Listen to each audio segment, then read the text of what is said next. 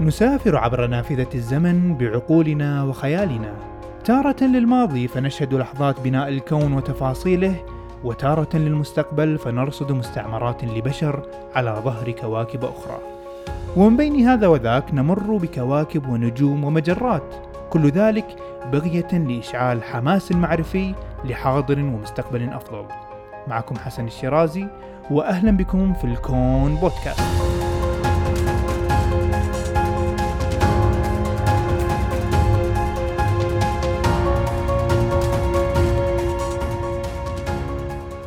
السلام عليكم واهلا وسهلا بكم في هذه الحلقة الجديدة من الكون بودكاست. في الحلقات الماضية كنا في تسلسل علمي وتاريخي لفهم نظرية الانفجار العظيم ولم ننتهي من كل أبعادها فللحديث فيها تتمة وبقية بعد حلقة اليوم بإذن الله.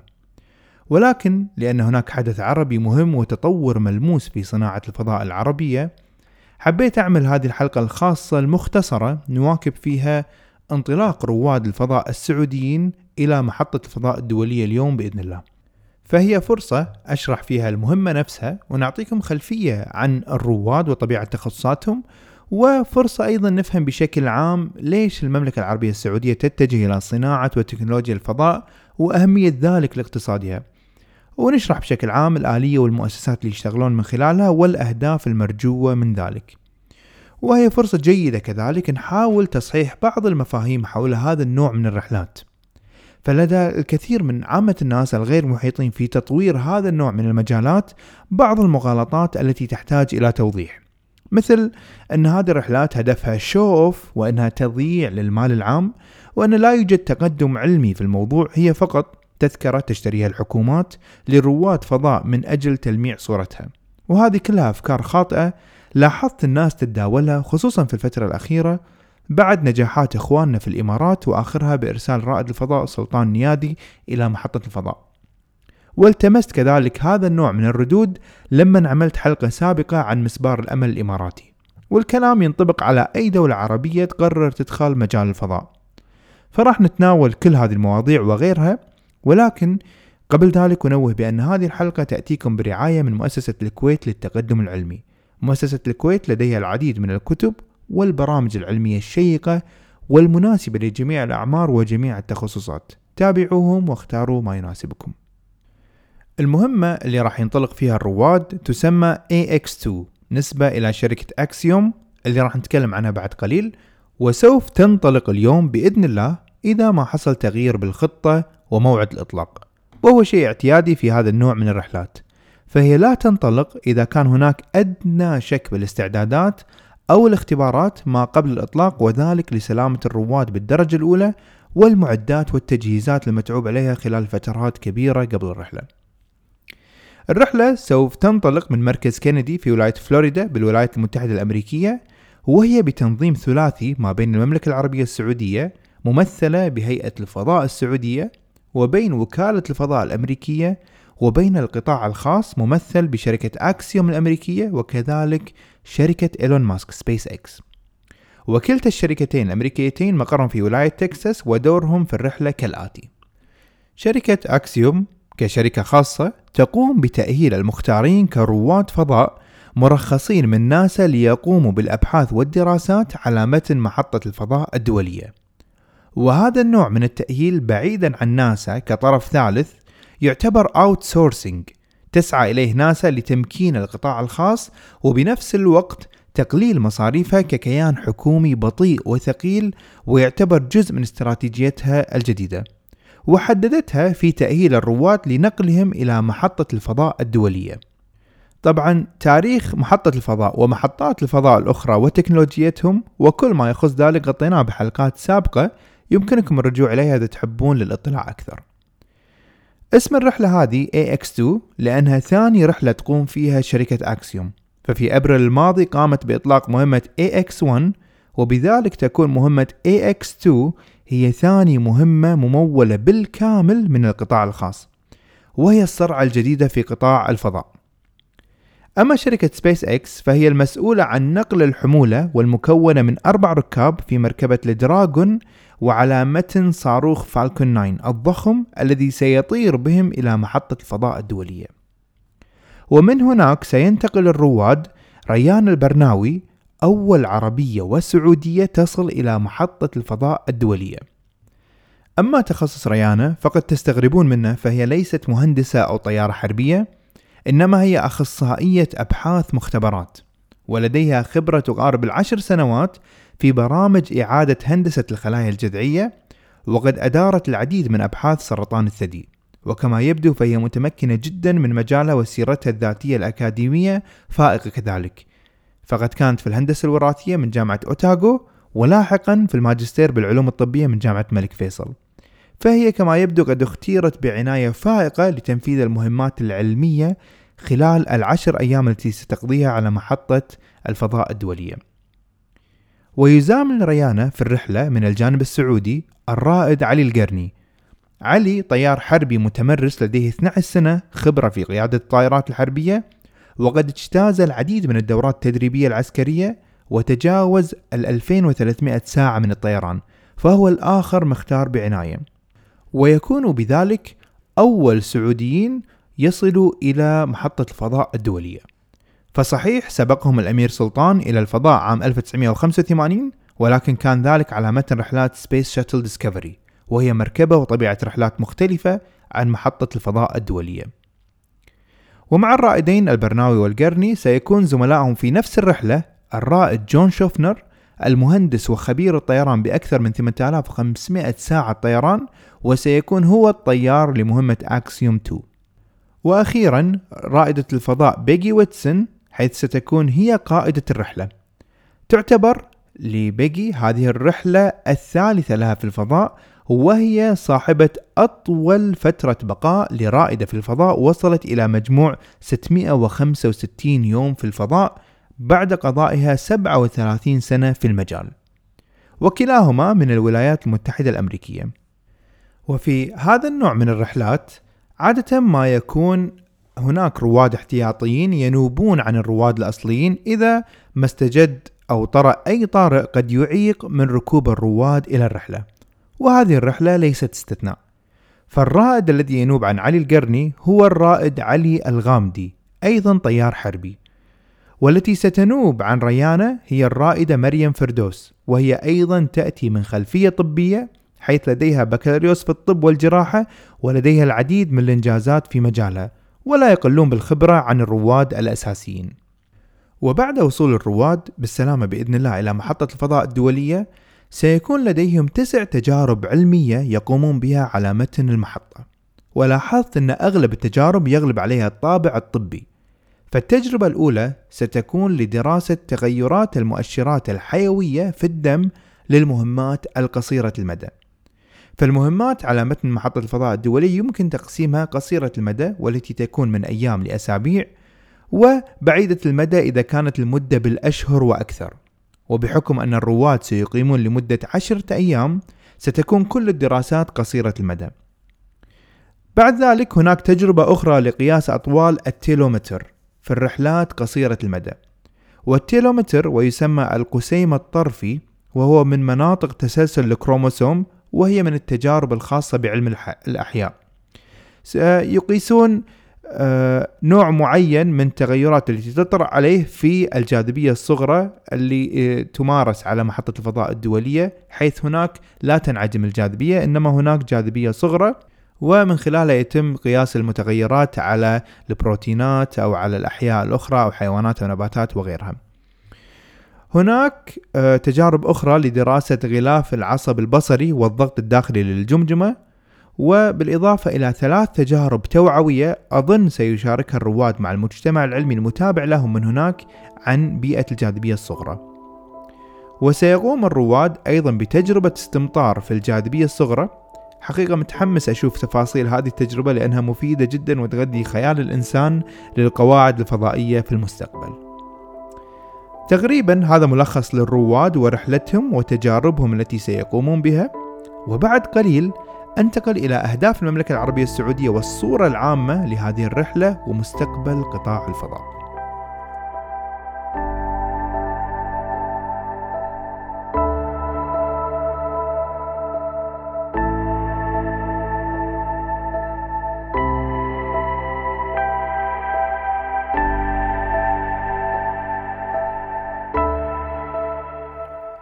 قطاع الفضاء والتكنولوجيا المصاحبة واللازمة له من صناعات كانت حكر لفترة طويلة من الزمن على مجموعة من الدول.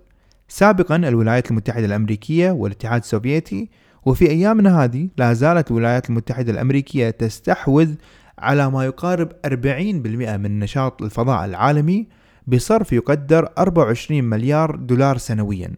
وهذا الرقم أصلا قابل للزيادة حيث وجدت أن ميزانية ناسا التي قدمت للكونغرس في هذه السنة ستزيد ربما 7% وتصل إلى 27 مليار دولار سنويا.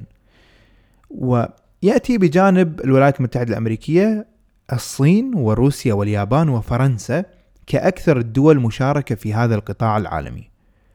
ولكن في السنوات الأخيرة بدأت تتغير معالم اللعبة أو لنقل بدأنا الدخول التدريجي في معالم التغير بمعنى أن الدول الرئيسية التي ذكرتها ستتم مسيطرة على هذا القطاع بحكم تاريخها وقوتها وصرفها على مدى عقود وتقدمها العلمي. ولكن سيدخل في هذا الميدان الكثير من الدول الطموحة الأخرى وهذا حق مشروع تماما بل طموح نسعى له جميعا.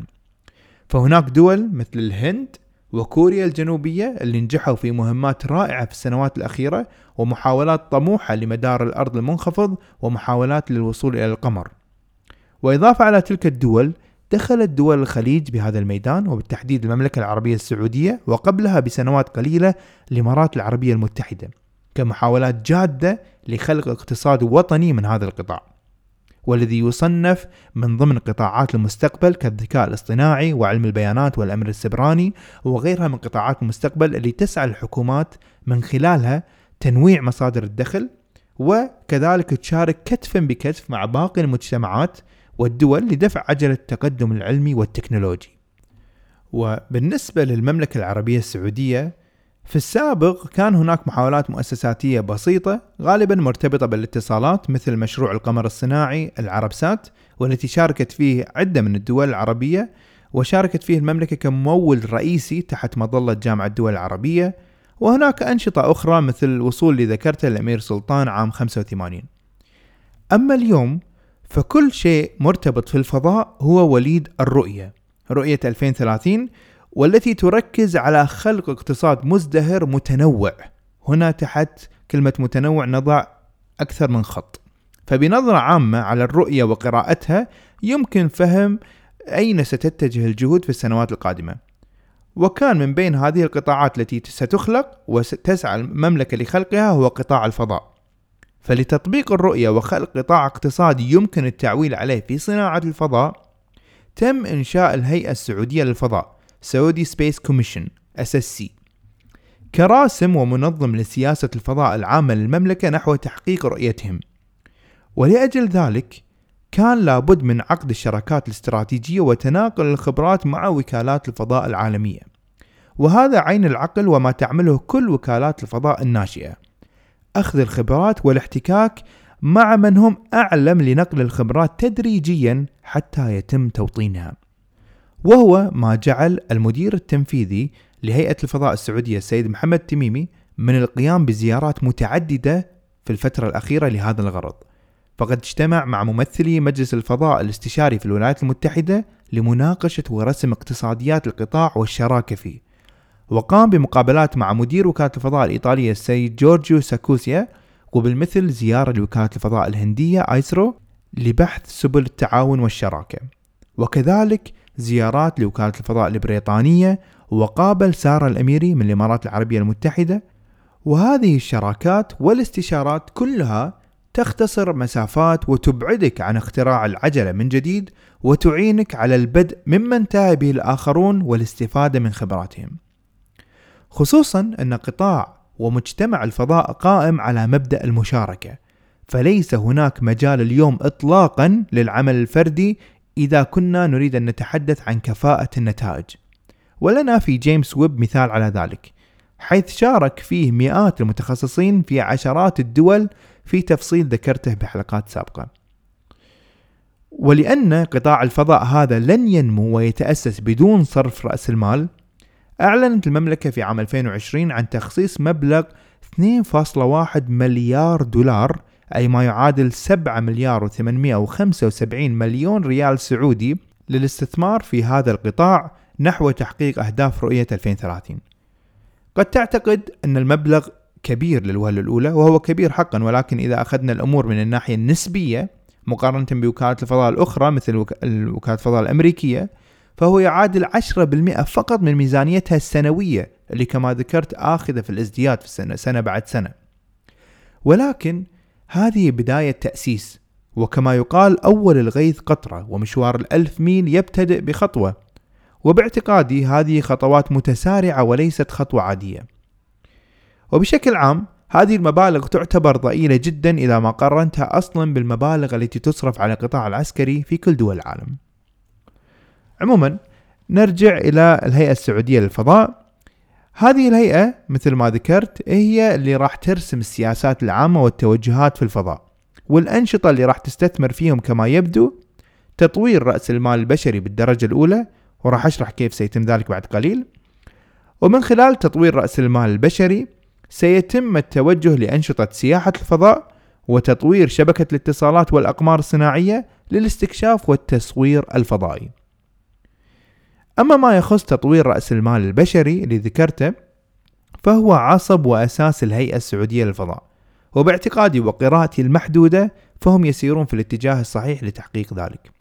فقد أسست الهيئة السعودية للفضاء برنامج ابتعاث خاص لنخبة من الطلاب في أفضل 30 جامعة مصنفة عالميا لبناء المهارات في هندسة الطيران والفضاء وعلوم الفضاء وسياسات الفضاء. وهي كلها جوانب أساسية لبناء العمق العلمي في أي مؤسسة فضاء. هذا من الجانب الأكاديمي. ومن الجانب الاجتماعي والثقافي فوجدت أن للهيئة أكثر من 18 مبادرة مختلفة للترويج لعلوم الفضاء ودمج المجتمع أكثر مع هذا القطاع. وهذا ما يسمى بالتعبئة أو building capacity.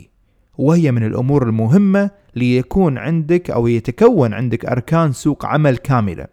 مجتمع يحب العلم وهدف واضح يؤدي إلى وظائف مستقبلية كثيرة لأبناء البلد كلها تصب باتجاه واحد. وطبعا كل ذلك لا يخلو من التحديات الطبيعية التي تواكب أي مشروع وتطلع بهذا الحجم ولا زلنا في البداية ولكن الأمور لحد الآن مبشرة بالخير في هذا الخصوص. طالما هناك ناس مؤمنين بهذه الفكرة ويعملون على تحقيقها. وهناك جانب أخير أود الإشارة إليه. وهو التساؤل عن مدى جدوى أن تقوم دولة عربية بتقليد أو مجاراة صناعات دول تسبقنا بسنوات طويلة وعريضة في المجال مثل قطاع الفضاء. فبالنسبة لي ما يأتي بالأهمية بعد كل ما سبق وذكرته من أهمية تنويع الاقتصاد وزراعة حب العلم والتكنولوجيا في مجتمعاتنا هو موضوع الاستقلالية الذاتية وهي من أهم مضامين العمل في ميادين وقطاعات جديدة.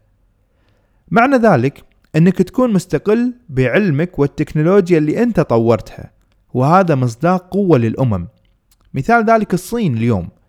فإن حاول العالم افتراضيا لنقل الآن قطع السبل والضغط عليها فهي مستقلة ومكتفية ذاتيا. لديها كل ما تحتاج من تكنولوجيا وعلم وصناعات في مختلف التخصصات من الزراعة إلى الفضاء.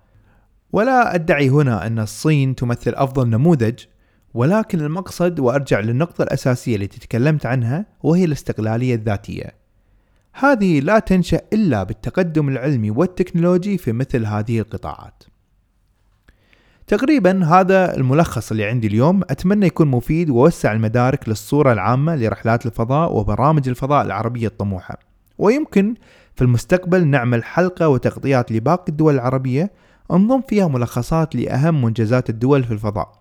فهناك مجهودات فردية ومؤسساتية موجودة غير مسلط الضوء عليها حول تطوير الأقمار الصناعية بغالبها مثل KuwaitSat 1 التابع لجامعة الكويت أو Orbital Space الشركة الخاصة لمؤسسة الدكتور بسام الفيلي عندنا في الكويت سبق وقابلته في البودكاست. وفي الخليج هناك سلطنة عمان ومحطة مراقبة الأقمار الصناعية المتقدمة التابعة لها ومحاولات مملكة البحرين لإطلاق قمر صناعي كامل للصناعة في البحرين بالتعاون مع الإمارات بنهاية هذه السنة بحول الله. وقطر من خلال سهيل سات لديها مستقبل واعد في الأقمار الصناعية ومتأكد الأمور هذه تنطبق على وكالة الفضاء المصرية وغيرها من الدول العربية. ونأمل أن تتضافر الجهود والطموحات ونرى في يوم من الأيام تأسيس لوكالة فضاء عربية على غرار وكالة الفضاء الأوروبية. فلا شيء مستحيل.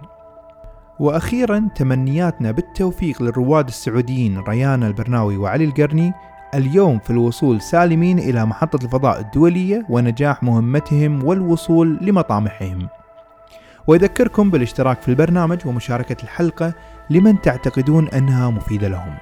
أما الآن أترككم في رعاية الرحمن وحفظه وحتى ألقاكم في الحلقة القادمة كونوا بخير وإلى اللقاء.